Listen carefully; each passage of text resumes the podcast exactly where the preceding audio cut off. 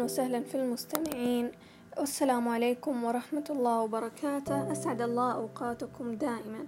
موضوع اليوم بتكلم فيه عن العزلة الاجتماعية وأسبابها وكيفية إن شاء الله معالجتها. ولكن قبل ما ندخل في الموضوع حبيت أقول إن العزلة لها جانبها الإيجابي. من ناحية الجلوس مع النفس والتعمق في أنفسنا ومعرفة أنفسنا والابتعاد عن بعض العلاقات المسمومة. والتفكير ببعض تصرفاتنا وجميعنا نحتاج أن نجلس مع أنفسنا ونفكر فيما فعلناه وماذا سنفعل. والتفكير والتفكر والابتعاد عن الناس لكن موضوع اليوم عن العزلة المفرطة وأسبابها. طبعا من أول أسبابها أن ما نثق في أنفسنا وما نثق في غيرنا. طبعا هو شيء صحيح لكن لا يجب الإفراط بالثقة بالغير. والثاني هو محيطنا منذ الطفولة عائلتنا ربما تكون علاقتنا سيئة فيهم وما نتواصل كثير معهم وقل ما نتكلم معهم. وطبعا ده موضوع منفصل له أسبابه. والثالث إنه تعجبنا يعني نرتاح فيها. بعيدا عن الصخب والإزعاج ونجلس بهدوء. فيعجبنا الوضع ونفرط بعزلتنا فننسى كي كيفية نتواصل مع الغير ونبدأ بالخجل. واستصعاب الموضوع. طبعا في مشكلات نفسية وعاطفية وتجاربنا الفاشلة مع علاقات اجتماعية. هذه أحد أسبابها. والسبب الجديد هو عالمنا الخاص في السوشيال ميديا عالم وأشخاص غير اللي نعرفهم بالواقع. فأحيانا نحب هذا العالم أكثر من واقعنا ومحيطنا فننعزل عن واقعنا. وهذه كانت البعض القليل من أسبابها اللي ربما منتشرة لدى أغلبنا.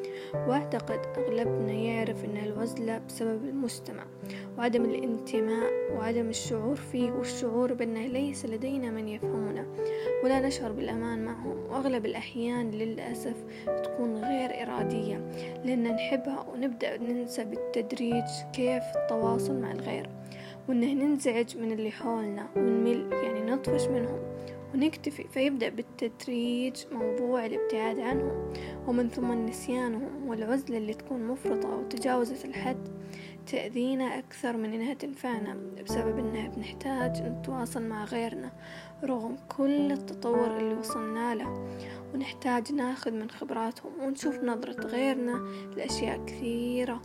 وما ناخذ العالم فقط من نظرتنا الخاصة وإيماننا لأن وقت ننعزل لأن وقت ننعزل خلاص ننسى أصلا إذا في أحد يخالفنا الرأي أو أنه ينظر للأمر من وجهة نظر غير بس العزلة جدا جميلة لكن بدون الإفراط فيها وعدم الهرب من واقعنا. مثلا إن إذا أنعزل بكون آخذ كمثال كتب أقرأها وأستفيد وأجلس مع نفسي. وأكون قدها أن أجلس مع نفسي وأواجه نفسي وأواجه مشكلاتي النفسية لكن انتبهوا النقطة بدون الإفراط. نقطة بدون الإفراط لأن الإفراط بالشيء يقتل. طبعا بعض حلولها أن نثق في أنفسنا ونوعا ما نخلي حديقتنا خاصة. يعني على الأقل في ناس بيدخلونها لكن ما نسمح لأي أشخاص يدخلونها.